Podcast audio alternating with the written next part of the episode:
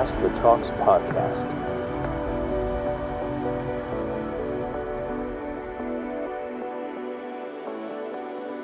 Astro Talks video මාලාවේ විද්‍යාඥික් වෙන්නේ කොහොමද කියන තේම ඔස්සේ කරන ප්‍රෝග්‍රම් සිරිස් එක තවත් එක එපිසෝඩ් එකක් එක තමයි වල මීදියට තුලා ඉන්න වාල ඔකුමයි බන් කියලා පිළිගන්න ප්‍රෝග්‍රම එක හෝස් කර ම අශානාරි වංශය අද අපේ ප්‍රෝග්‍රම් එක එක එකතු වෙලා ඉන්නේ සුවිශේෂී විද්‍යාඥය කොහු එකත්තකින් අධිශක්ති තාරකා බෞතික විද්‍යාඥයෙක්. අනිත් අතින් ඔහු ඇමරිකානු රජයේ වෛද්‍ය ආයතනයක දත්ත විශ්ලේෂණ විද්‍යාඥී ඉතින් අදක්සෙඩ් එපිසෝඩ් එකින් ටියක් අමුතු කරිය පැත්තකත් තියෙන විද්‍යාඥයක එක තමයි අපි කතා කරන්න. ඔහු නමින් ආචාර උදාර අබේසය කර ඔහු දැනට ඇමරිකා එස් ජනපදේ රණවිරු කටයුතු දෙවාර්තමේන්තු එමනත්තා US ඩිපාර්ටමට of වෙටරන් එෆස් කියල කියෙනවා. මේ ආයතනය සෞඛ්‍ය පිළිබඳව ජේෂ්ඨ දත්ත විශ්ලේෂණ විද්‍යාඥක දිර කටයුතු කරනවා. ඒවගේම යුටා විශ්වවිද්‍යාලයේ භෞතික විද්‍යා හා තාරක විද්‍යාංශයේ පර්ේෂණ මහාචාර දූරයක්ද ඔහුදාරනවා ඉතින් ආචාර උදාර අබේසේකරව අපි ප්‍රෝග්‍රෑම් එකට සාදරෙන් පිළිගන්නවා. මං මුලින්ම ප්‍රශ්නයක් කහලම ඔබත යොමු වෙන්නම්. මට මේ මුලින් ඇතුවුණු ප්‍රශ්නය තමයි මේ තාරකා භෞතික විද්‍යාඥයෙක් මොනවද කරන දත්ත විශ්ලේෂණ කටයුතු කියලා මේ වෛද්‍ය ආයතනයක. ඉතින් ඒගැන සරලව අපිට පැහදිලි කල කියන්න පුළුවන් ඔබ දැනට සේව කරන ආයතනය? මොකක්ද සහ මොනවගේ දත්තද ඔබ විශ්ලේෂණය කරන්න කියලා මේ ආයතනය? ඔව් මම ඉස්සලම පොඩ්ඩක් කියන්නම් මොකක්ද මේ ආයතනය මොකද මේ ආයතනයේ තත්ත එක කරන්න තියෙන්නේ කියන එක. මොද රන්න විරු කටයුතු කියන එකත් එක් මොනවද සෞඛ්‍ය දත්තත් එක කරන්න කියන එක. ඩිපර්ටමට of වෙටරන්ස් ෆයස් එම තගෙන BA එක කෙලයර්ම මලික වගේ මධ්‍යම රජය යටතේ පාලනය වෙන ආයතනයක්. එකේ ප්‍රධාන කොටස් තුනක් තියෙනවා. ඒ කොටස් තුනෙන්ම කෙරෙන ඇතරම ඇමරිකාවේ මිලිටරිය එකේ වැඩ කරලා රිටය වෙච්ච කට්ටියට බෙනිෆිටස් දෙන එක මැනේජ් කරන එක තමයි කරන්නේ. ඒකෙන් මම ඉන්නේ සෞඛ්‍ය අංශය. තකොට දැන් ඇමරිකාවේ සෞඛ්‍ය ශේත්‍රය ගත්හම තියෙන මේ පෞද්ගලික සෞඛ්‍ය ශේත්‍රය ඇත්තමතින් ලංකා වගේ රජයේ පෞද්ගලික මේ රෝහල් පද්ධතියක් නැහැ. නමුත් ඩිපාර්ටමට of වෙටරන්ස් ෆයාස් ගත්තහම අපිට තමයි ඇමරිකාවේ තියෙන විශාලතම අපිගෙන ඉන්ටිග්‍රේටඩ් මෙඩිකල් ෆැසිලිටි එහෙමත් නැත්නම් සෞඛ්‍ය ජාලයක් තියෙන්න එකම ආයතනය ඇමරිකාවේ මේ ඩිපාර්ටමට of වෙටරන්ස් ෆයාස් අපිට තියෙනවා හොස්පිටල් දෙදස් පන්සීයක් විතර මට මතක හැටියට. අපි බෙහෙත් කරනවා රෝගීන් මිලියන නමයක් කට විතර. එතොට මිලියන නමයක් කරන්නේ දළ වශයෙන් අදහසක් ගන්න මේ කොච්චර ලොකු ගානක්ද කියතොත් ලංකා මුළු ජනගහනය මිලියන විසි එකක් අපි මිලියන නමයක්. එකනේ ලංකා මුළු ජනගහනයෙන් සියට හතලිස් දෙකක් විශාල පිරිසකට අපි බෙහෙත් දෙනවා. මේ කොල්ලොන්ගෙන් එන දත්ත දිනපතා ඉතා විශාල දත්ත ප්‍රමාණයක් මිලිය නමයක් විච්ච රෝගීන් ප්‍රමාණයක විශාල දත්ත ප්‍රමාණයක් එක තැනකට එකතු වෙනවා. මේ දත්ත ඇතුළි තියෙනවා මිනිස්සුන්ගේ සරල මෙෂමටකන උෂ්ණත්වය බර ඉඩං කරන ලැබ් ටෙස්ටස් බල මේ බ්ලඩ්ස් වල කරන මේ කියල ක්‍රියටනින් බලනවා මිහිමොගලොපිනේ වගේ බලන්න ලැබ්ටෙස් ඉඳං සීටස්කෑනින් ඉමේජස් විශාල දත්ත ප්‍රමාණයක් එනවා. ඉතින් මේ මම කරන්නේ ඕකේ ඔය විශාල දත්ත ප්‍රමාණයක් එකතු වෙන තැනක. ඔය දත්ත දිහා බලලා විවිධ සෞඛ්‍යශේෂත්‍රය නොවිසඳුණු ගැටලු සඳහා පිළිතුරු සොවන එක තමයි මගේ ජොබ් එක සරලව පැහදිලි කරති දෙක ඇත හාට විවිධ ශේෂත්‍රවට යන මක දෙකන්නේ දැන් දමන් එක විදිකට කිවොත් එහෙම දැන් දොස්තර කෙනෙක් ගත්තොත් දොස්තර කෙනෙක් යනවා ගිහින් ලෙඩෙක් බලනවා විනාඩි 20ක් විතර වගේ කෙටි කාලයක් ඇතුළතදී එක ලෙඩෙක් බලලා ඊළඟ ලෙඩට ටක් ගාලා මාරු වෙනවා. ඒ එනත් දැන් සමහරවිට පළවෙනි ලෙඩා අවුරුදු 25ක තරුණ පිරිමි ළමෙක් වෙන්න පුළුවන්. ඊළඟ විනාඩි 20 බලන එක්කෙනා අවුරුදු 75ක ගෑනු කෙනෙක් වෙන්න පුළුවන්. ඊළඟ විනාඩි 25 දී බලන කෙනා අවුරුදු 18ක පිරිමි ළමෙක් වෙන්න පුළුවන්. මේක විවිධ කට්ටිය ටට ටට ගල්මන්. ඊළඟට ඔයගොල්ලෝගේ ලෙඩත් එක එක දේවල් වෙන්න පුළුවන්. ඉතින් එතකොට අර දොස්තර කෙනෙක්ට අමාරුයි මේ මෙවස් එකට සම්බන්ධ කරන්න. එයාට හවස් වෙනකොට මතක නැහැ උදේ බලපු එක්කෙනා මොන වගේද කියලා. නමුත් අපිට එනවා මිලියන ගානක රෙකෝඩ්ස් ආවහම මේ ඔය රෙකෝඩ්ස් වලින් අපිට බලන්න පුළුවන් ඔය සමහර ලෙඩ තියෙනවා.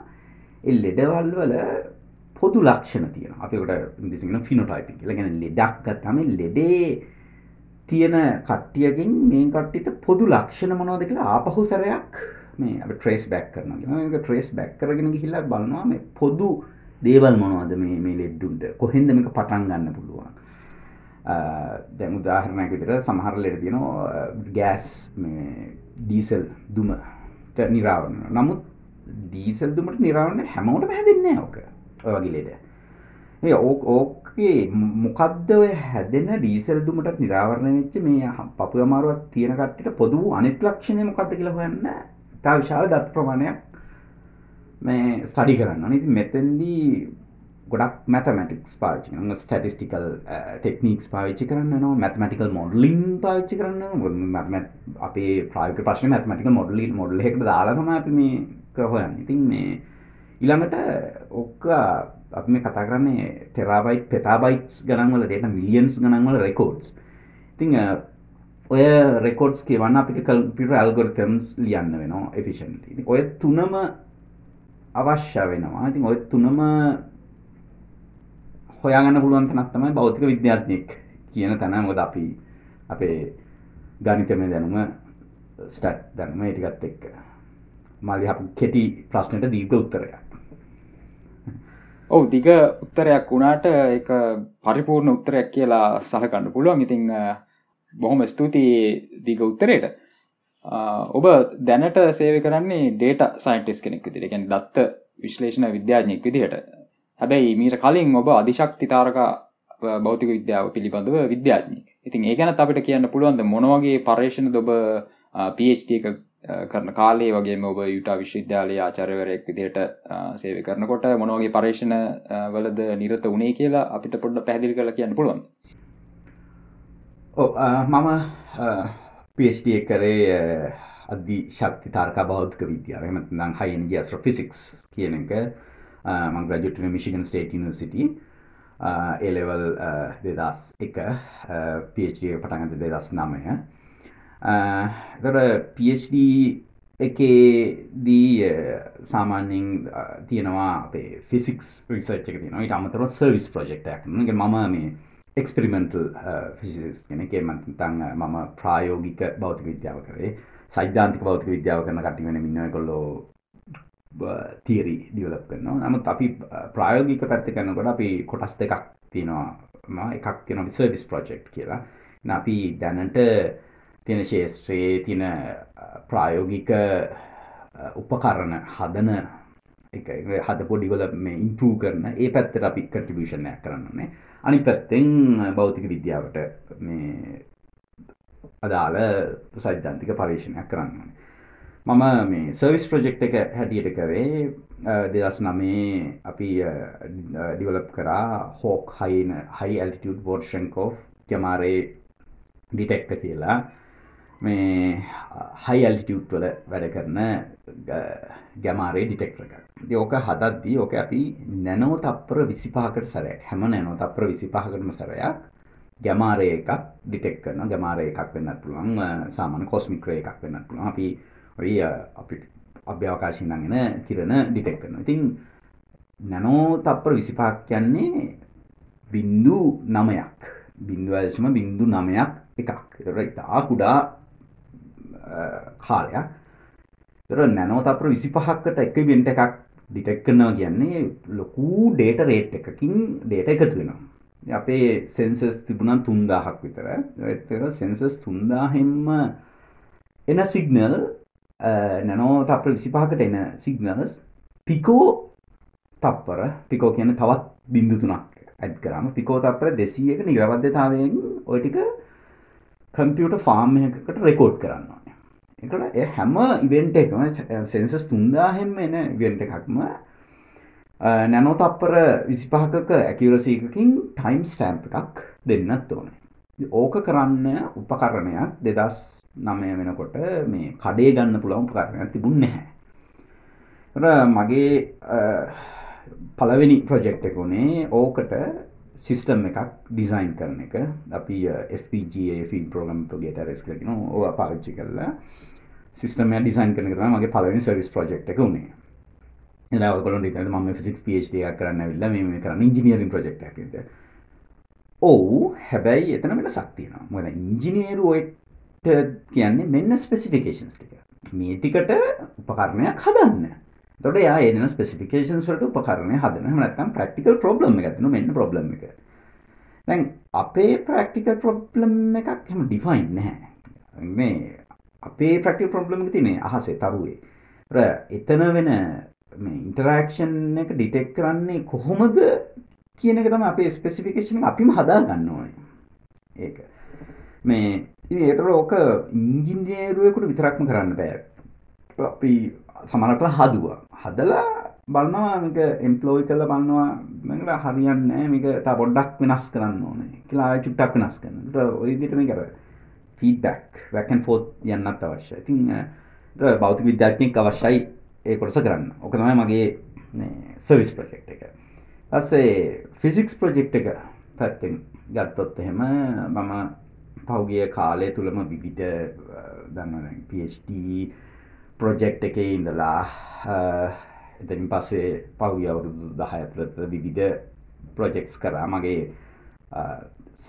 සරලව කිවොත් එහෙම අධිතා අධි ශක්තියමත හයිනජී ස්ට්‍රෆිසික්ස්ල වෙන්න කරන්නේ.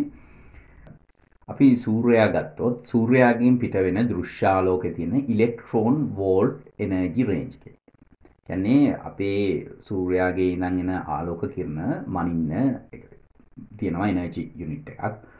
ඒ එනජි යුනිට් එකය ඉලෙක්ට්‍රෝන් බෝල්ට් කියන යුනිට් එකේ රේන්ජ එක තමයි අපි දෘශ්‍යාලෝක තියෙන ඕක ක්‍රියත් ඕක හැදෙන්නීර ඇතුළේ න්‍යෂ්ටික ප්‍රතික්‍රියාවක් නිසා. නමුත් අභ්‍යාකාශයේ සමහර කොටස් තියෙනවා tera electron volt mega giga අපි ඉලෙක්ට්‍රෝන වලින් පටන් ගත්තොත් කිලෝ මෙගා ගිගා ටෙරා හැම එකකටම 10 තුන්වෙනි බලයක් එකතු වෙනවා. කියන්නේ ටෙරා කියනවා 10 12 වෙනි බලයක්. 1.10 12ක් තරම් අධිශක්තියක් තියෙන කිරණ පිට වෙන තැන් තියෙනවා අපේ අභ්‍යවකාශයේ. ඒවා තමයි ඇක්ටිව් ගලක්ටික් නිියක්ලියස් කියලා කියනවා අපි. කියන්නේ සුපර්මැසිව් බ්ලැක් හෝල් එක. මැසිව් බ්ලක් හෝල් එකක් මැද තියෙන ගැලක්සි එකක්කාවම මේ ගැලක්සි එකේ තියෙන සෞරග්‍රහ මණ්ඩල පිටින් මේ සුපමැසි බ්ලක් හෝල් එකට ඇදැන් වැටෙනවා. මේක වටේට එකිනෙක හැප්පෙ නොමි ග්‍රහලෝක අපේ සූර්යාතරන් විශාල තාරකාපාව එකිනෙකට හැප්පෙනවා. මේක වට මහ අධික ශක්තියකින් යුතු පරිසරය ගොඩනගෙනවා. තොල පරිසරය ඇතුළේ පාටිකල්ස් එකිනෙක හැප්පෙනවා ආලෝක කිරණ පාටිකල් සමඟ හැප්පෙනවා කිරණ කිරණ එකට හැප්පෙනවා විවිධ ප්‍රතික්‍රියාවන් නොතන වෙනවා. අපිට පෘතුවයේ දී නිර්මාණය කළ නොහැකි පරිසරයක් එතන හැදෙනවා. ඔය පරිසරය ඇතුළේ වෙන භෞතික විද්‍යා මූල ධර්ම මොනවද? මේ ඕවයි ඇතිවෙන ප්‍රතිඵලය හැටියට අපිට මේ නිර්මාණය වෙන කිරණ වර්ග මොනවද? ඔය වගේ දේවල් අධ්‍යයනය කරන එක තමයි මම කරේ. ක මේ ක්ට ලක් නිියස් විතරක් නෙවේ තව අපේ ටක්ට කලක් නිියස් න මිල්කිවයකින් එලියේ වෙනත් ගලක්සිස් වල සෙන්ටර එකේ.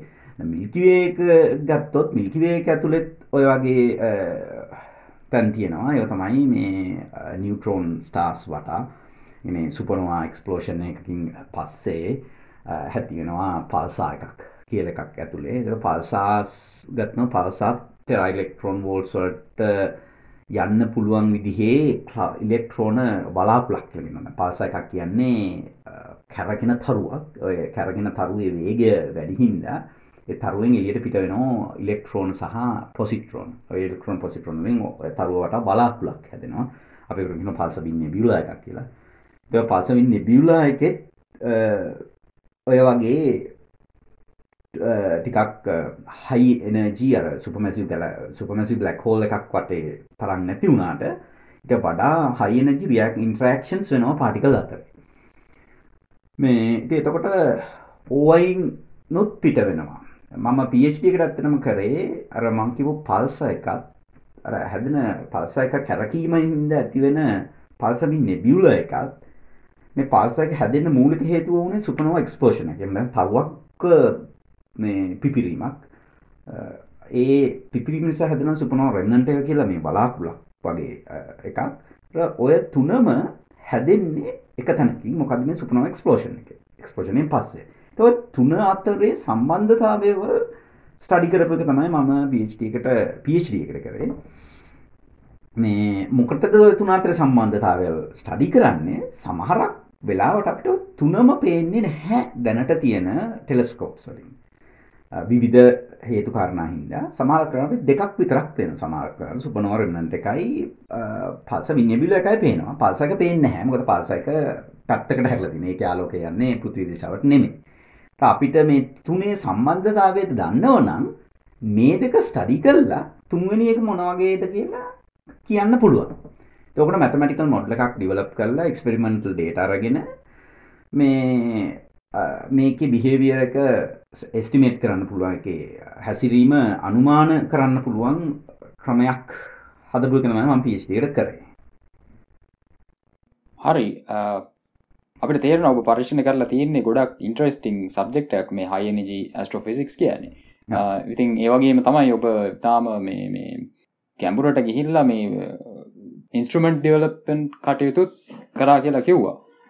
ඉතිං ඒ වගේ බැක්ග්‍රවන්් එකක් තියාගන්න ඉතින් ඒවගේ ෆිල්ඩ එක ඉඳම් ඔබට එච්චරම මේ ෆැමිලිය නැති මෙඩිකල් ඩේට ඇනලිසිස් පැත්තේ වෘතියකට යොමු ඉන්න හිතුවේ ඇයි? ඉතින් ඒ වගේ ගොඩක් ලොකු වෘතිමය වෙනසකට යොමුණේ ඇයි? ඒවගේ මේ වෘතිය වෙනස් කරද්දී කොච්චර අමාරුනා දොබට මේ ස්ට්‍රෆිසික්ස් හය නිජ ස්ට්‍රෆිසික්ස් වල ඉඳම් මේ medical data science data analysis පැත්තට යොමුවෙන්නේ ඇයි යමුණේ කියන එක හොඳ ප්‍රශ්නයක්.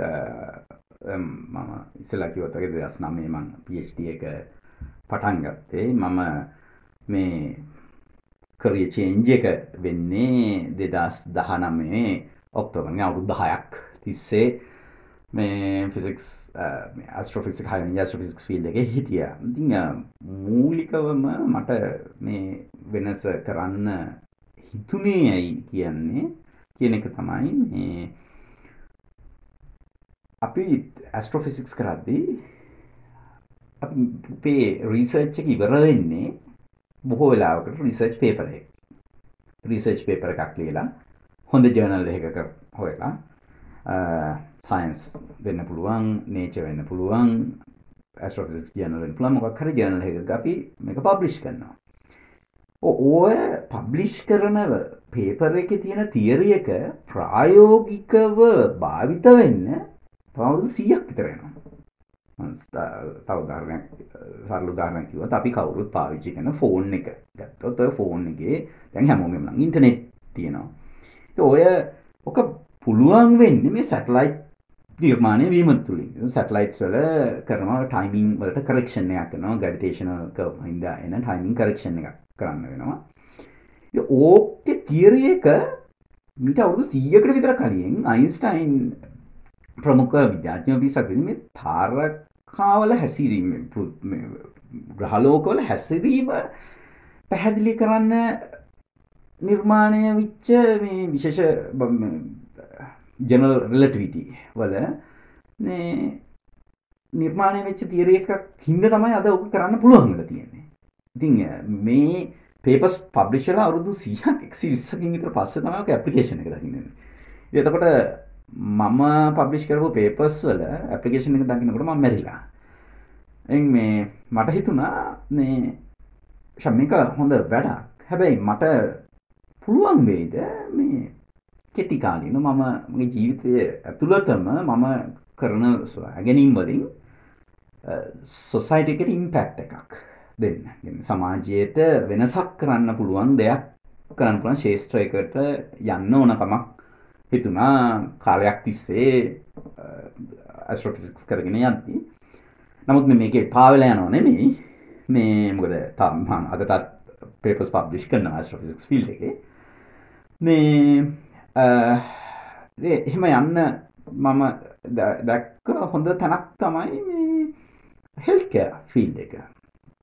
හෙල්කෑ ෆිල් එකේ මම දැක්කා මේ කට්ටියන් කොන්ෆරන්ස් වලට එහෙම යනකොට මේ කට්ටිය එක කතා කරනකොට මම දැක්ක මේ ෆීල්ඩ් එකට භෞතික විද්‍යාඥයන්ගෙන් හොඳ ඉල්ලුමක් තියෙනවා.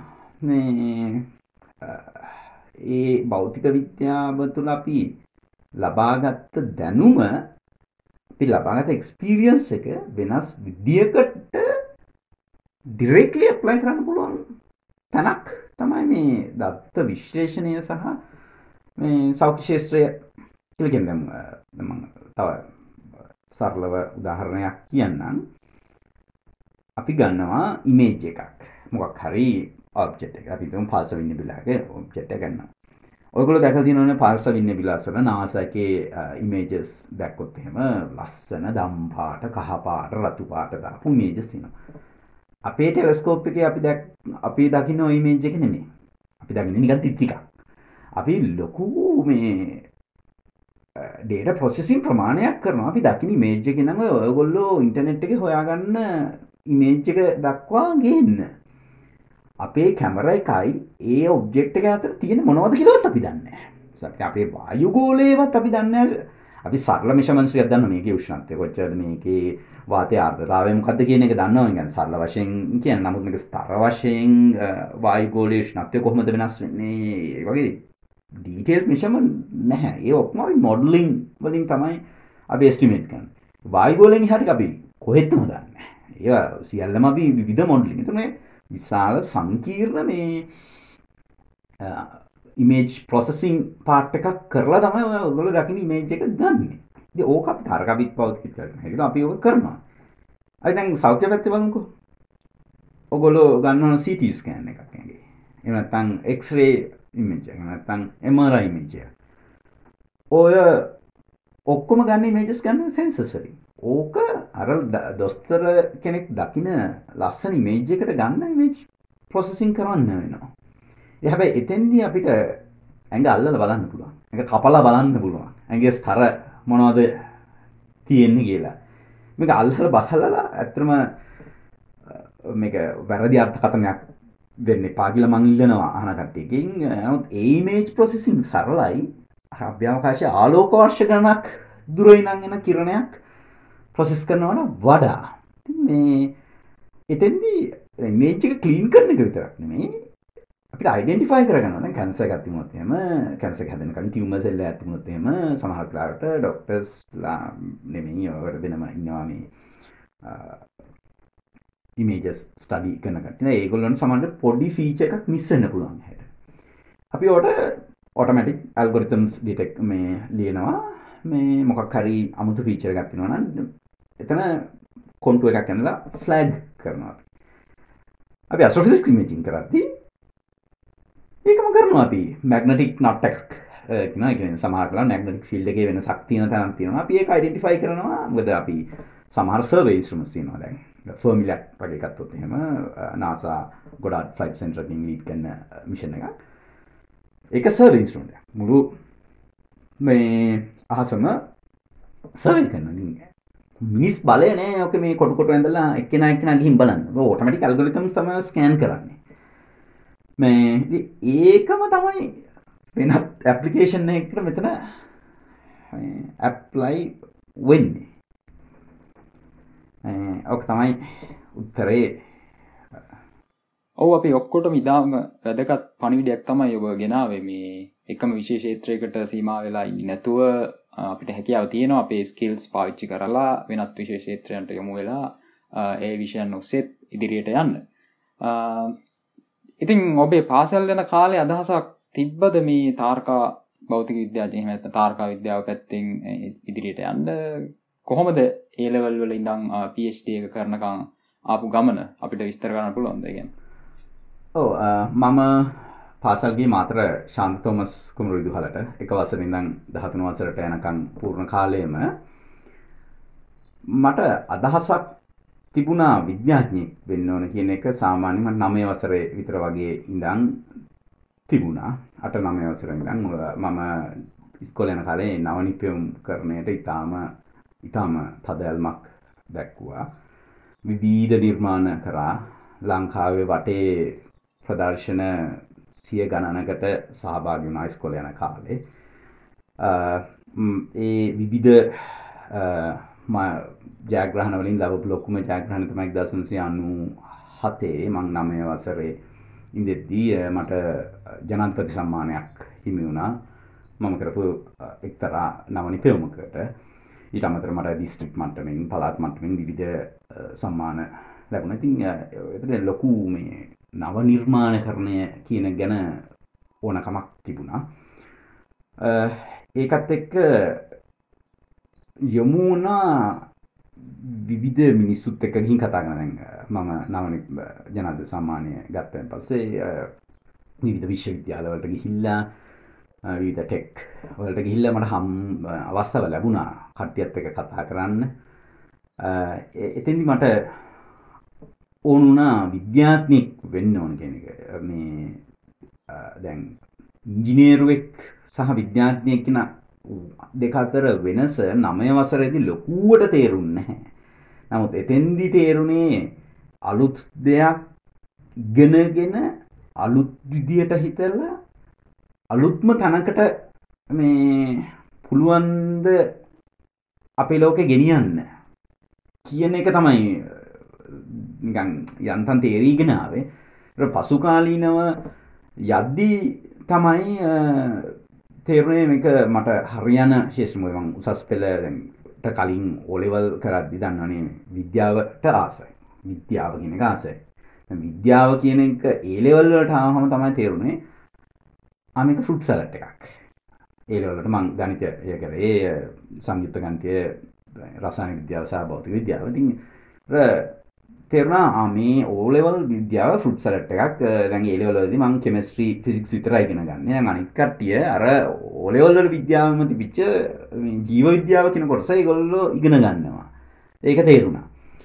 ඊට පස්සේ දැන් ඔන්න දැන් හිතන් ඉන්නවා ෆිසික්ස් තමයි මට හරියන්න දේ තියෙන්නේ. මොකද ෆිසික්ස් වල තමයි ඇයි මේ දේ මෙහෙම වෙන්නේ කියන එක ක්වෙස්චන් වෙන සබ්ජෙක්ට් එක. ඊළඟට ලස්සනම මං ෆිසික්ස් වල ආස වෙච්ච දෙයක් තමයි මේ අපි F සමාන MA S සමාන UT ධන භාගය හිටිය වගේ ඒ ලෙවල් වල අපි ඉගෙන ගන්න මේ ඉක්වේෂන්ස් ටිකනේ. ඉතින් ඔය කඩදාසි කොලේ ලියන්නේ භෞතිකව වෙන දෙයක්.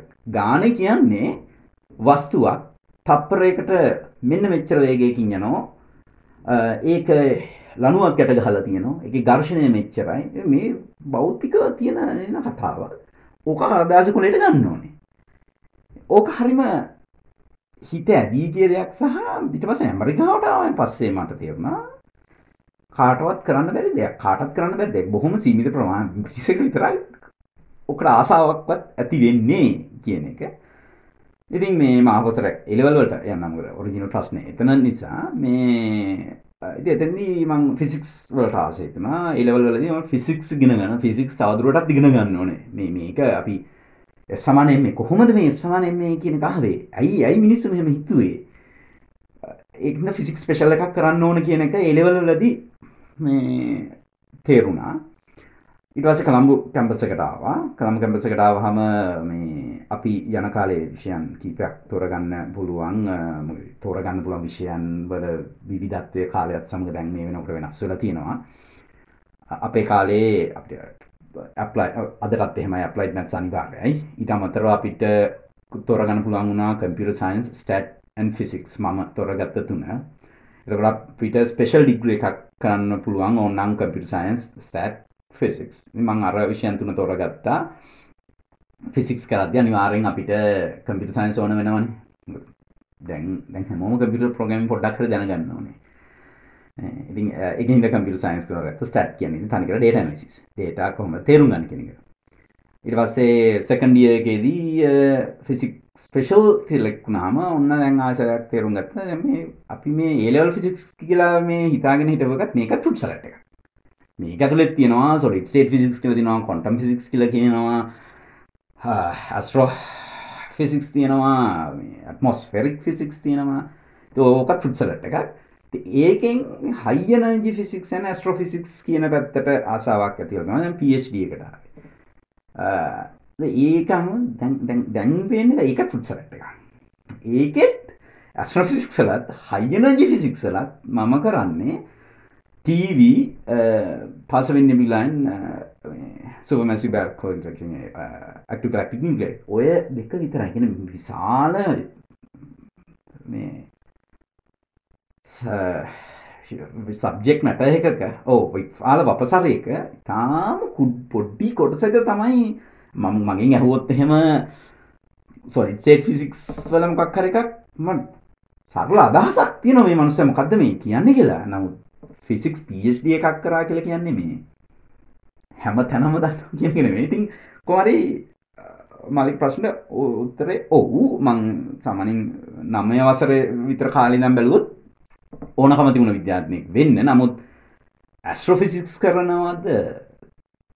හයිනජ ෆිසිස් කරනවද කියලා ඒ මොහොතේ දැනුමක් තිබුන්න ඒක කාලය දැඟ ඇත්තම ඇස්ට්‍රෝ හයිනජ ෆිසික්ස් කරනවද කියනක තෝරගත්තේ ම පD එකට ඇතුළුනයි පස්සේ. පD එකට ඇතුල් වෙන වෙලාව වෙනකම් මන් දන්නේ මොද මට හැම හැම යුනිසිට එකම සබ්ජෙට් එක නැහැ.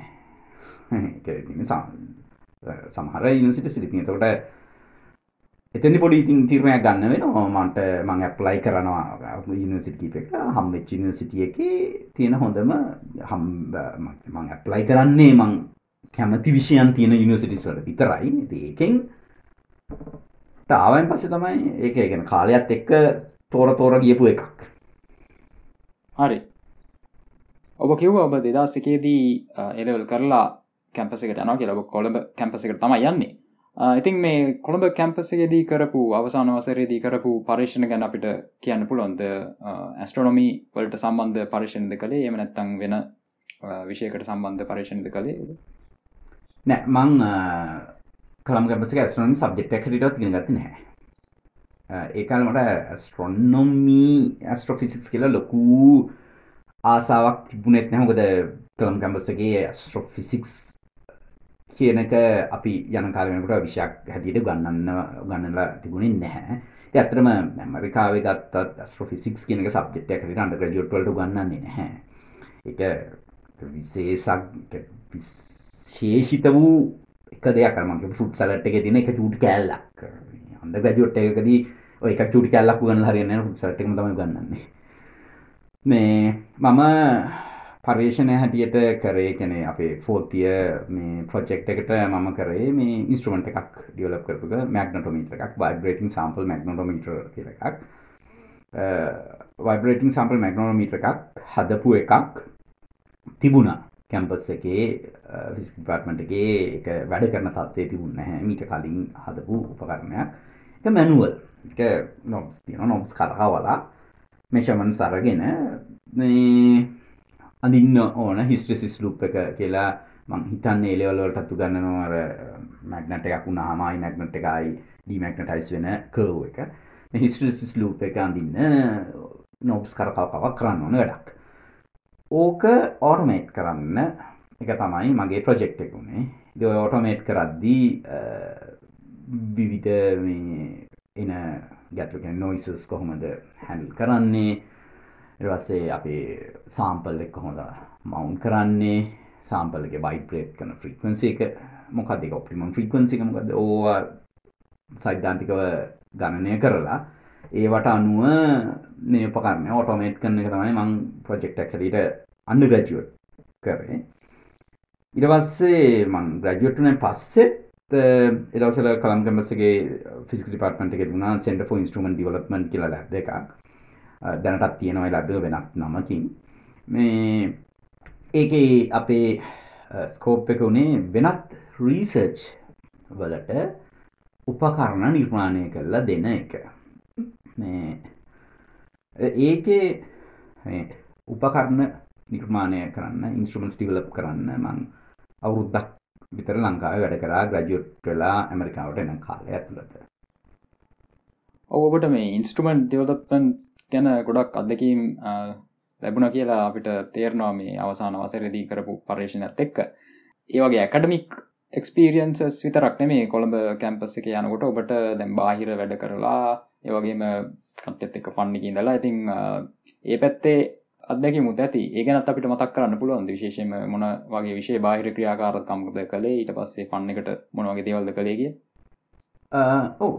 කැම්පස් අවුරුදු හතරේ බාහිර වැඩ ගැන කතා කරොත් මම ලොකුවටම කරයි රෝයින් ඔරු පැදීමේ ක්‍රීඩාව. මං කළම් කැම්පස් රෝයින් ටීම් එකේ ෆස්ටිය ගියපු දවස්සේ ඉඳලා ෆෝත්තිය මැදක් වෙනකං මම දිගටම රොයින් කරා ඒකේ ඒ අවුරුදු තුන් හමාරක රෝයින් කරයක ඇතුළේ ස්ලූසා කලස් කියලගෙන අපි Sri Lanka university sports association කලසගෙන එක අන්තර් විශ්වවිද්‍යාල මේ වර්ණ ප්‍රධාන උත්සග හැම විශ්වවිද්‍යාලයකින්ම ඇවිල්ලා හැම විශ්විද්‍යාලකෙම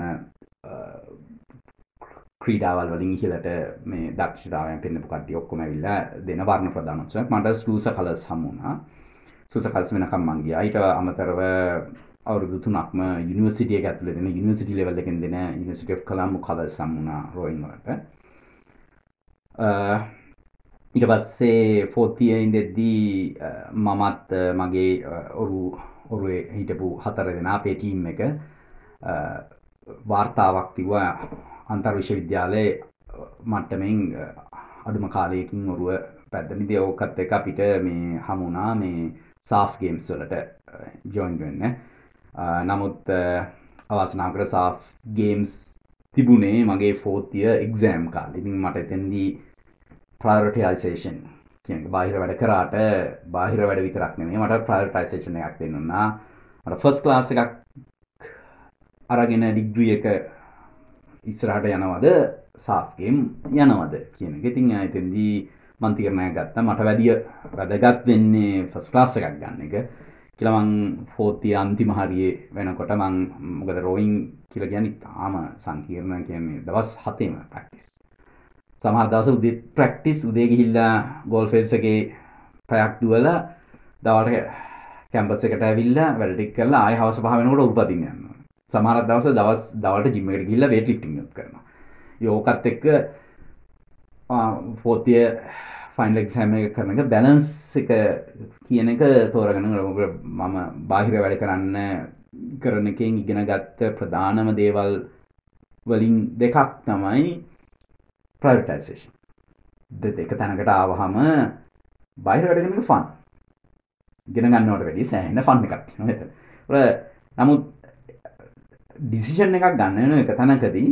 මොකකටද ප්‍රයිරටියක දෙන්න ඕනේ? මොකක්ද නවත්තන්න ඕන කියන මං මේ ස්පෝර්ට්ස් නැවැත්තුවා ෆෝර්තය අන්තිම අන්තිම කාලෙදී මේ එක තමයි ක්‍රීඩා පැත්තෙන්. ඊට වස්සේ ක්‍රීඩා නොවන බාහිර ක්‍රියාකාරකම් ගත්තොත් මම කළම්බ යනිසිටි ඇස්ට්‍රොනොමි සොසයිටිය එකේ සෙකට්‍රි හැටියට හිටිය මගේ ෆෝතියකේදී පලවෙනි අවුරුදු තුනේ මේකේ ක්‍රියාකාරී සාමාජිකයෙක් විදියට හිටිය.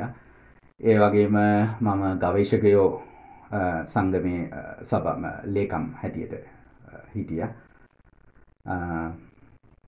ඒ වගේ බාහිර ක්‍රියාකරකම් තුනක්ම කරා. ඉතිං ඉට අමතරව ඉතිං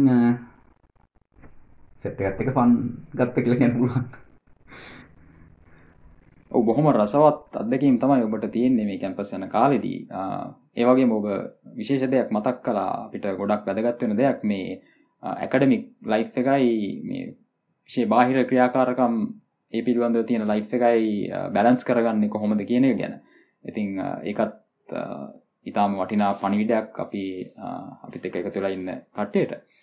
ඉතිං මම මේ තාර්ක භෞතික විද්‍යාව ගැන අය අවධානයමු කළොත් එහෙම මේ මේ පැත්තිෙන් ඉස්රහට යන්න හිතන කෙනෙක්ට මොනවගේ උපචනිටස්ද තියෙන්නේ ලෝකයම ගත්තුත් එම ඇමරිකා විතරක්න මේ ලෝකයම මේ මේ වගේ රිසර්ච් සිද්ධ වෙනවා මේ ස්ට්‍රොෆිසික් හයනජ ස්ට්‍රොෆිසික් සම්බන්ධින් ඉතිං ඔබට මොනවගේ අයිඩිය එකක්ද තියෙන දැන් ඉස්සරහට ඒ වගේ ඒ පැත්තට යන්න කැමති කෙනෙක්ට මොනවගේ ඔපචනිටිස්ට හැදෙන්නේ කිය දැනට නිර්මාණය වෙමින් පවතිනවා CTA කියලා ටෙලස්කෝප් ඇර එකක්. සිටගෙන් ශ්‍රංකෝ් ටෙලස්කෝප් ඇරේ ඒක තමයි දැනට ඇස්ට්‍රොනමි ශේෂත්‍රයේ විශේෂ මහයනි ජස්ට්‍රොනමි ශේෂත්‍රයේ නිර්මාණය වෙන විශාලතම මේ ටෙලස්කෝප් ඇර එකක්.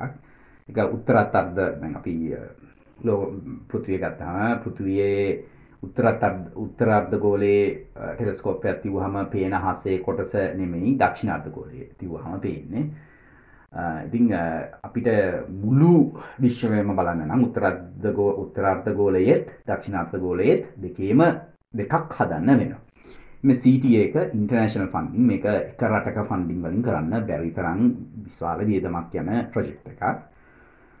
මේ මේකේ උත්තරාර්ධ ගෝලයේත් දක්ෂිණාර්ධ ගෝලයේ දෙකේම හදනවා. උපකරණ දෙකක්. ඉන් තව ස්ට්‍රෙන්කෝෆ් වට අමතරව වෙනත් ඇන බෝර් ශෙන්කෝ් කියලගෙන බෝර් ශෙන්කෝ් එකකුත් දක්ෂිනාත ගොලේ දැන් දැන්ට හැදමින් පවතිනවා. ඕක දැන දැන්නට තියෙන ඕක ඉංජිනියරින් පාට් එක. මේ හදමින් පවතිනවා. මේ දිවි අවුරුදු තුනහතර ඇතුළත ගත්තොත් මේ උපකරණය ඔන්ලයින් එනවා ඒක ඔන්ලයින් එනකොට විශාල ප්‍රමාණයක් මම මේ විශාල කියලා කියන්නේ දෙදාහක විතර වගේ විද්‍යාඥයෝ විද්‍යාඥයෝ කියන තැනට ආවම දෙදාහක් කියන විශාල පිරිසක්. මේ දෙදාහක් තුන්දාහක් අතර ප්‍රමාණයක් අවශ්‍ය වෙනවා මේ උපකරණ දෙකම එන දත්ත අධ්‍යයනය කරන්න. ඊට අමතරව අමීගෝ කියලා නාසයකේ ප්‍රපෝසල් එකක් තියෙනවා. ඊට අමතරව එක්ස්රේ සර්වය කියලා එකක් තියෙනවා. වගේ ප්‍රපෝසස් කීපයක් තියෙනවා. ඉතින් ඔය ඔක්කොම ඔන්ලයින් එනවා. තව අවුරුදු දෙක තුනකින්. දෙක තුනකින් එනවා CT එක දෙක තුනකින් එනවා. ඒකේ දෙක තුනකින් එනවා කියන එකේ මුල ස්ටේජ් එක එනවා. ඊට පස්සේ අමීගෝ තව අවුරුදු 5ක් 6ක් ඇතුළත තියෙනවා. ඒ ඔය ස්ටුඩන්ට් ඔපචුනිටිස් හැදෙනවා. ඔය ෆීල්ඩ් එකේ. එතනින් එහට ස්ටඩන් කෙනෙක් වුණා හරි PhD එක කරා ග්‍රජුවට් වුණා. එතනින් පස්සෙ මොකක්ද කියලා ඇහුවොත් එම තින් පස්සෙ මොකක්ද කිවොත් එහෙම ෆිසික්ස් හයන ගස්ට ෆිසික්ස් කියන එක ඉන්න මුන්නම් පාත් දෙකක් තියෙනවා. එක පත්තක් යනිවර්සිටිය එකක ප්‍රොෆෙස කෙනෙක් වෙලා ෆන්ඩිං අරගෙන ඒ පැත්තිං සරහට තමන්ගේ කරක බිල්ඩක් කරන්න පුළන් අනි පැත්තෙන් ගත්තොත් නැශනල් ලැබ්ස් තින මම පිස්ට කරද්දී මේ මම වැඩකරේ ලොස් අල්මෝස් නශන ලැබෝට්‍රේ හිටිය අපේ පාත්නස් ති ඔය නැශන ලැබ් එකක සයින්ටිස් කෙනෙක් හැටියට එකතු වෙලා කරගෙන යන්න පුළුවන්. ඊට අමතර බොහොම සුළු පිරිසක් ඉන්නවා ඉන්ඩිපෙන්ඩන්ට් රිසර්ච් ලා රිසර්චර්ස් ලා කියලා. ගෙන සමහර ඉන්ස්ටිටියුට්ස් තියෙනවා. ඒගොල්ලන්ට පුළුවන් එතන ගිහිල්ලා ඉන්ඩිපෙන්ඩන්ට් රිසර්ච් කෙනෙක් හැටියට වැඩ කරන්න පුළුවන්. ඒක නමුත් ඊටම පොඩි ප්‍රමාණයක් තමයි වගේ ඉන්ස්ටිටියුට්ස් තියෙන්නේ. මේ ඊට අමතරව අරමං ආපවර මුලින් කියපු කතාවම තම මේ හයිනජ ඇස්ට්‍රෆිසික්ස ඇස්ට්‍රෆිසික්ස් වලින් එන ස්කිල් සෙට් එක ඕනම ශේෂත්‍රයක භාවිත කරන්න පුළන් ස්කිල් සෙට් එකක්. මගේ යාලු මාත්‍යක එකට හිටපු කටින මම ඉන්න සෞඛ්‍ය ශේෂත්‍රයේ ඩේට ඇම්ලිසිස් පැත්තේ. මගේ තව යාලුකිනෝ FMRI ඉමේජ් කලීනිං ඇල්ගොරිතම්ස් තම යා කරන්න. තව කෙනෙක් ඉන්නවා. එයා මේ රියල් ස්ටේට් කම්පැනි වැඩ ගෙවල් විකුණන කම්පැනිය ෆිසිස් කෙනෙක් මොකද ගෙවල් විකුණ කම්පැනි කරන්නේ?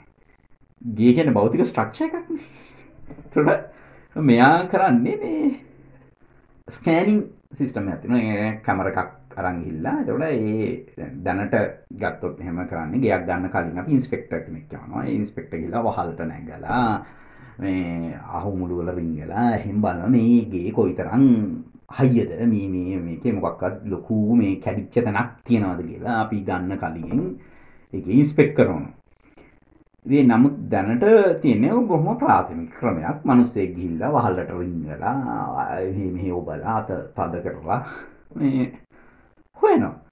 ඉතින් මේ මෙයා ඩියවලප් කරනවා මේ ස්ටාටප් කම්පැන එකක්. මේ දැනට ඇමරිකාවේ ප්‍රඩක්ෂන් මටමෙන් තියනක ඒගොලු කැමර එකකුත් බොයිස් රෙකෝඩ එකකුත් දෙකක් මාරගෙන යනවා. ඒ ගන්න ඉමේජස් ඔටමැටිකලි මේ ප්‍රොසෙස් වෙනවා. ගන්න සවන්ස් ඔටමැටිකලි ප්‍රොසෙස් වෙනවා.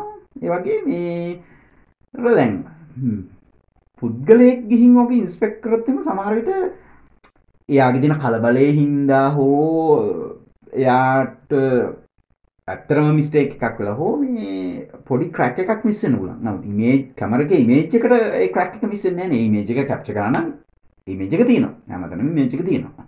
ඕක මේ ෆුලි ඔටෝමේට සිිස්ටම මගේ පෞද්ගලිකත් දෙකින් මති කිව්වත් ඉන්ස්පෙක්ටස්ල දෙන්නෙක් ෙදරකට යම දෙන්න දෙන්න රිපෝට් දෙක හොද එකගේ කෙනා තින හමන් බයස එකක් අපින හමන් බයස එකක් සමහරු වැටියෙන් අවධානයම කරන වහලට. සමහරු වැඩින් අදානයම කරන්න බේස්මට එක ඒක තමන්ගේ එක්ස්පිරියන්ස එක අප එක නමුත් පුලි ඔටමේට එකක් නම දෙක අන්බයිස්ට මොකක් කරයන ඇල්කොරතම එක කවුරු රන් කරත් කවුරු ඒ අල්ගොත මේ ඇල්ගොරතම කරන ඉතින් මේ මට කියන්න ඕනේ මේ ශේස්ත්‍රයක් කියලයක් නැහැ. භෞතික විද්‍යා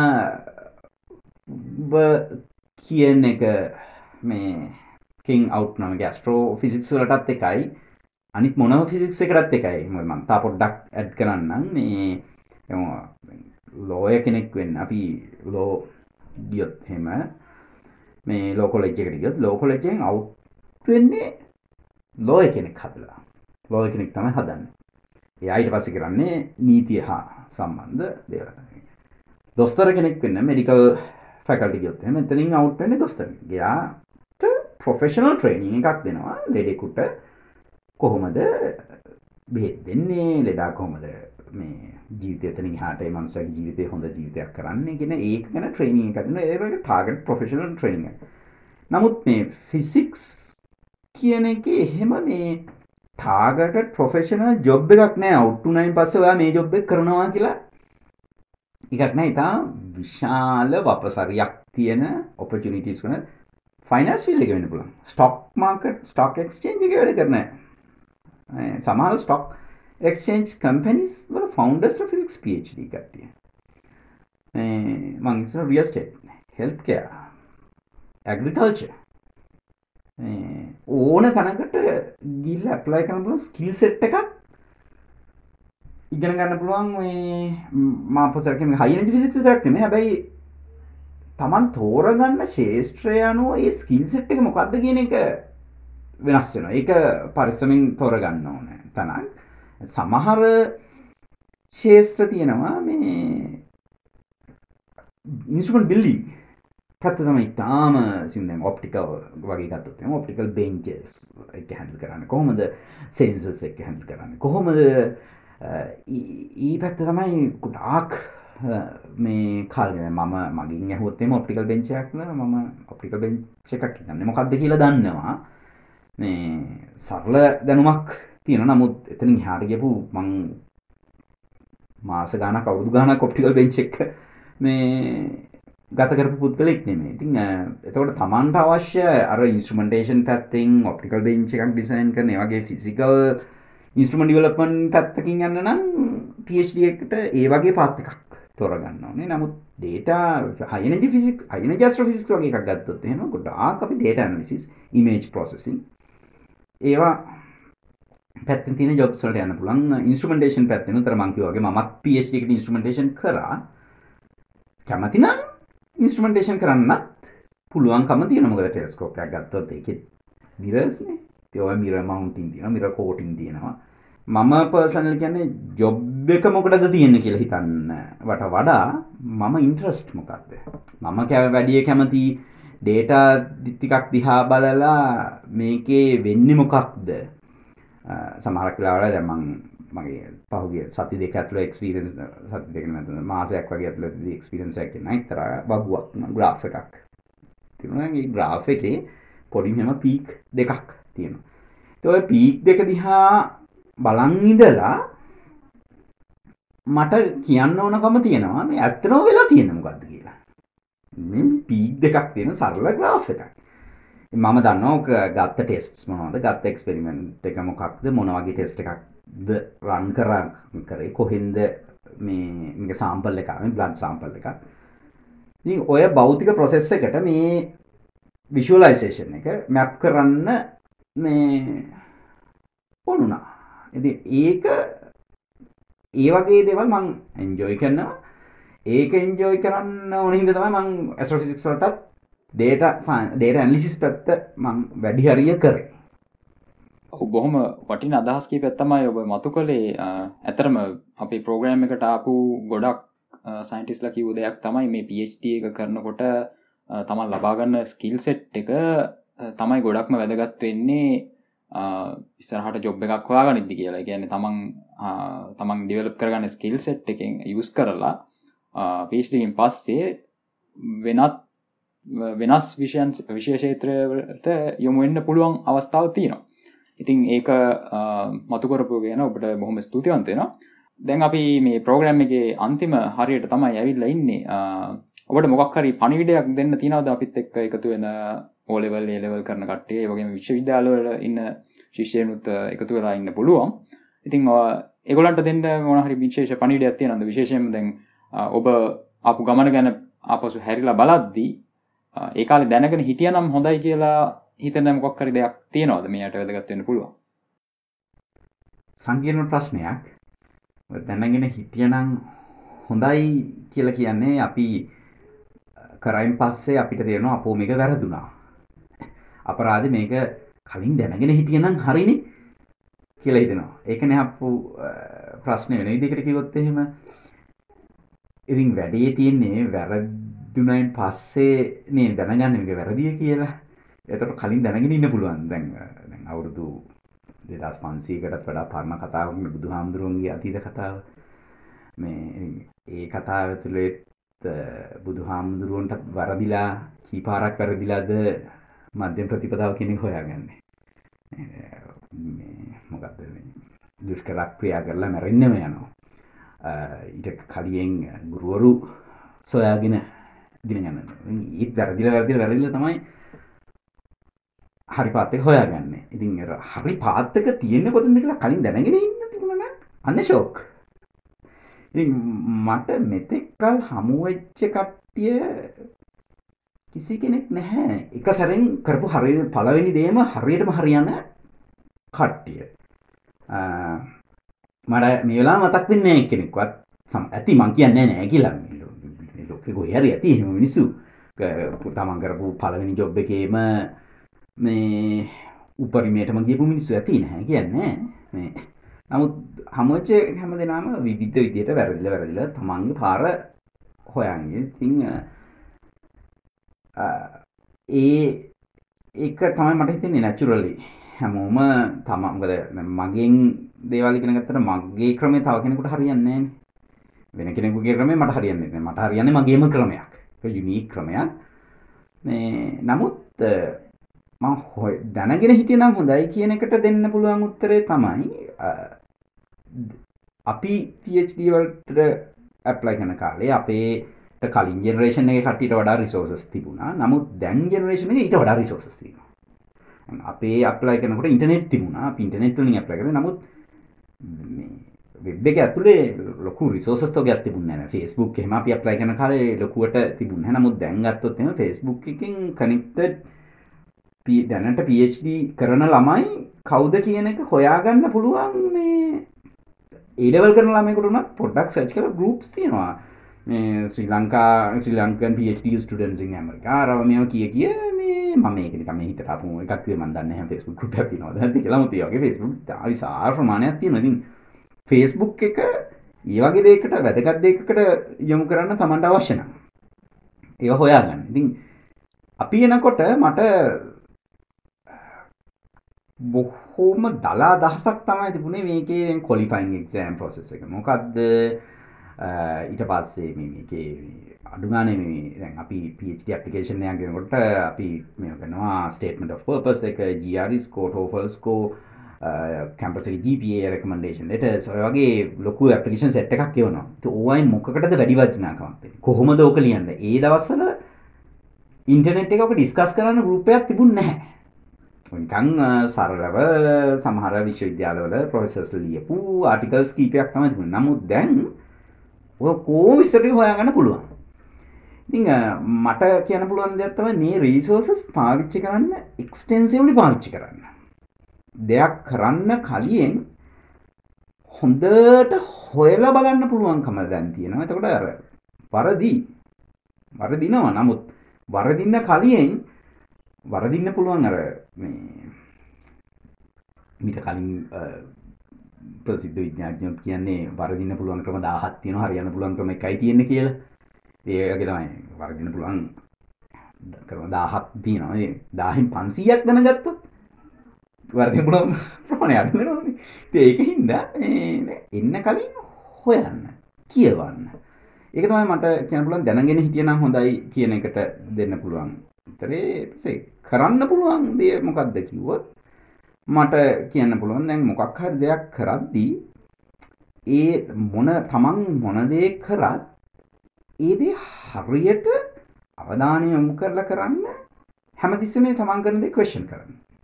මම සරල උදාහරණයක් දුන්නොත් අපි A level වලට ෆිසික්ස් ලැබ් එකට ගිහින් එක්ස්පෙරිමන්ට් එක කරනවානේ. ඩේටා පොයින්ට් පහක් ගහලා ඔතනින් ප්ලස් ආර ගහන්න කිව්වොත් ඒක ඇද්ද 100 100 ලකුණු ගන්න. හරි ඒක කරා ගෙදර ආවා ෆිසික්ස් වලට ඒ දැන් කැම්පස් යන්න පුළුවන්. ඔබ විද්‍යාඥයෙක් වෙන්න කැමති නම් එහෙම කරන්න එපා. ඔය ඒ ඒ ඩේටා පොයින්ට් පහක් ගන්න තිබුණක 10ක් කරගන්න 100ක් කරගන්න. ඇයි ඩේටා පොයින්ට් පහක් ගන්න. මොකද්ද මෙතන වෙන්නේ කියලා අවධානය යොමු කළා මේ දැන් මගෙන් අහුවොත් එimhe මේ A level physics experiment එකෙන් මට කවදා හරි දවසක මේ ලොකු ජොබ් එකක් ගන්න පුළුවන් බැහැ නේද? මට වැදගත් ෆිසික්ස් මේ PhD එක නේද කියලා නෑ මේ ඔක්කොම සම්බන්ධයි. මේ ඔක්කොම එකට එකක් ඒකට එකක් ඒකට එකක් සම්බන්ධයි. අපි A level එක්ස්පෙරිමන්ට් එක හරි කමන්නේ. ඒ කරන දේ හරියට කරන්න. A level project කියලා තියෙනවනේ මම දන්නේ නැහැ දැනට තියෙනවද කියලා අපි යන කාරණා තිබුණා. මේ ප්‍රොජෙක්ට් එක උනත් හරියට හරියට අවධානය යොමු කරලා කරන්න. මගේ පර්සනල් එක්ස්පීරියන්ස් තියෙනවා සමහර දේවල් මම කරලා ඒ නිවැරදිව කිරීම නිසා මට පස්සුව ඔපචුනිටි එකක් උදාහරණයක් කියන්න මං එකපාරක් මං අර මං කලින් හෝක් එකේ මට තිබුණා බොහොම සරල වැඩක්. මේ ඉන්ස්ට්‍රුමන්ට් ටිකක් ගිහිල්ලා මවුන්ට් කරන්න. දැන් මම ඕක මවුන්ට් කරා. මේ නිකන් වයර් එක මේ ෆ්‍රේම් එකක් තිබුණා. ෆ්‍රේම් එක හරහා මෙහෙම පල්ලෙහාට ගෙන්න පුළුවන්කම තියෙනවා. මම ඒක මට අදාළ ජොබ් එකකුත් නෙමෙයි. මේ මම ලස්සනට වයර් ටික මෙහෙම පේලියට හදලා මේ අඩියෙන් අඩිය මේ දුර මැන මැන මේ වය මේ ටයිට ටිකක් ගන්න වය ටයිට් කර කර. මේ ඔක ලස්සනට හැදුවා ඉන්ස්ට්‍රුමන්ට් එකත් හරියට ගාන්ට මින්මට මැනලා නිකම් ඔහෙ තියන්න තිබුණා පියුණෑ ඒ සිද්ධිය එක මම මගේ ප්‍රායෝගිකව ඒක මං මේ වැඩක් කරනවා මං ඒ වැඩේ හරියට ඒ වෙලාවේ කරනවා. එක ලොකු වැඩක් වුණත් පොඩි වැඩක් නත් ඒකේ වෙලාවේ පොඩි වැඩක්. මේ ඉතින් මේ මම ඔක එච්චර හිතුවේ නැහැ ඊළඟ මට ඔෆිස් මේ කැම්පස් එකේ හම්බෙච්ච ලැප්ටොප් එක තියෙනවා. මම ඒ ලැප්ටොප් එක උනත් ලස්සනට පාවිච්චි කරනවා. මේ ඔරිජිනල් ආපු ස්ටිකර් එකවත් දැලවන්න නැතුව ඕක ලස්සනට තියාගෙන ඉන්නවා. ඉතින් ඕක මම එච්චර හිතුවේ නැහැ ඊට පස්සේ අවුරුදු දෙකකට විතර පස්සේ එක දවසක් මට රෙකමෙන්ඩේෂන් එකක් එනවා. ජර්මන් ඉංජිනියර්ස් ගෲප් එකකින් දන්නවනේ German engineers group German engineers ලෝකෙ කොහෙත් ප්‍රසිද්ධයි හොඳ ඉංජිනියර්ස් කියලා. ඉන් ජර්මන් ඉංජිනේස්ලා ටිකක් කියනවා අපි බලන් හිටිය උදාහරණයක වයර් ටික ගැට ගහනවා අපිට ඒකෙන් හොඳ ඉම්ප්‍රෙෂන් එකක් ආවා මෙයා මේ පිළිවෙලකට වැඩක් කරනවා කියලා මෙන්න මේ ගෲප් එකේ ලීඩ් හැටියට අපි මෙයා ප්‍රොපෝස් කරනවා කියලා. ඒක මම හිතුවෙත් නැහැ. මේ බොහොම සරලව වයර් එකකට ගන්න බලන් ඉඳලා ලැප්ටොප් එක පිළිසිදුර තියන් ඉන්නවා. ගමන් මේ මට රාජකාරී මේ ලැප්ටොප් එක අනිත් කවුරුත් කිල්ටුවට පාවිච්චි කරද්දි මෙයා මේ පිරිසිදුර පාවිච්චි කරගෙන ඔය මොකද දැන් ඒ ඒ අදාළ වැඩේ ඉංජිනියරින් පාට් එක කරන්න පුළුවන් කට්ටිය 10ක් 15ක් අපේ ටීම් එකේ හිටියා. මට වැඩිය හොඳට කරන්න ඉංජිනියරින් දැනුවත් වෙච්ච මිනිස්සුත් හිටියා. නමුත් අපි දැන් ජොබ් එකකට ගියා වුණත් ජොබ් ඉන්ටර්විව් එකට ගියාම වුණත් සාමාන්‍යයෙන් සරේ ශේත්‍රීය දැනුම තියෙන මිනිස්සු ඕන තරම් තියෙනවා. නමුත් අර අර වගේ දෙයකින් තමයි උඩට එන්නේ. මේ. ඉතින් මට කියන්න තියන්නේ හිතන්න එපා මම මේක මේ වයර් එකට ගහනකින් මට ජොබ් එකක් හම්බෙන්නේ නැහැ නමුත් එහෙම හම්බ වුණා මට වයර් එකට ගහනකින් කරන්න මොනදේ කරත් ඒදේ හරියට කරන්න. ඒක ගැන පැෂනේට් වෙන්න. තමන් දෙයක් කරනවා ඒක ගැන පැෂන් එකකින් කරන්න. මේක නිකන් ඕ මේක මේ ඔය මේ ඇති. ගහලදාම් කියලා ඉස්සරහට යන්න එපා. අයි මට මේක තවසීට එකක් මට ගෙනියන්න පුළුවන්කම තියල නවත්තන්න එපා. සීට සියක්ම උපරිමේටම ගෙනියන්න. හැමදේ මේක ඒලෙවල් ක්ලාස්සකේ ඉල දැන්ගේ සමාන යුටිදන භාගය ඇටි වර්ගය සමීකරණය වනත් ඒක ආවෙ කොහොමද? කොහොම දෙක ඩිරයිව් කරේ? ඒක තේරුම් අරගෙන ඊළඟ එකට යන්න. ඒක තේරුම් ගත්තොත් ඊළඟ එක තේරුම් ගන්න බොහොම සරලයි. ආ මේ මේක ඇති මේක සමන ඉට කරන හරි මේක පස්ස තේරුම් ගම කියල ඉළඟ චක්‍රකට ගියොත් එහෙම ඕක විශේෂම සංයුත්ත ගණතේ වෙන දෙයක්. පලවෙනි මාස තුනේ උගන්නන්න දේවල් පස්ස තේරුම් ගම කියලා හිතුවොත් ඇති පස් වෙන හැම්මදේම පිළිවල්ල කරන්න. ඕක තමයි මට කියන පුළ ඔවු ගොඩක් අයට වැදගත් වෙන්න පුළුවන් දේවල් කීපෙත් තමයි ඒ ආචාර්ය ද්වාර අභ්‍යසේකර පැවසුවේ. ඉතින් අපි ඔබට බොහොම ස්තුතිවන්ත වෙනවා මේ විදිහට අපිත් එක්ක එකතු වෙලා ඔබගේ දැනුම සහ අත්දැකීම් බෙදාගත්ත එකට. බොහොම ස්තුතියි මට අවස්ථාව ලබාදීමත් මට මේ ඉනිටේෂන් එකක් ඉවටත් අශාන්න ආරිවංශයට මේ විදියට අපේ තවත් ඇස්ටටෝක්ස් එපිසෝඩ් එකක් අවසාන වෙනවා. අපිත් එක් එකතුනු ඔයාලටත් බොහොම ස්තුති වාල මේ ප්‍රෝග්‍රම් එක එන්ජෝයි කලා නම් මේක මේකට ලයිකයක් දාන්න ෂයා කරන්න අනිත්තයට දැනගන්න. ඒවගේ මෝගලන්ට හරි ප්‍රශ්නයක් තියෙනව නම් මේ විද්‍යාඥයකින් අහන්න අපේ ප්‍රෝග්‍රම් එකට එන ගෙස් ලගින් අහන්න වලට පුළුවන් ඩියෝගෑටින් කමෙන්ට් එකක් දාන්න. අපි තෝරගත්ත ප්‍රශ්න ඊළඟට එන ගෙස් ලගින් අහන්න ප්ලෑන් කරලා තියෙනවා. ඉතින් අපි ඊළඟ ඇස්ටටෝක්ස් ප්‍රෝග්‍රම් එකින් හම්මෙමු මේ විදිහටම ලංකාවෙන් ගියවෙච්ච විද්‍යාඥික එක් යාලු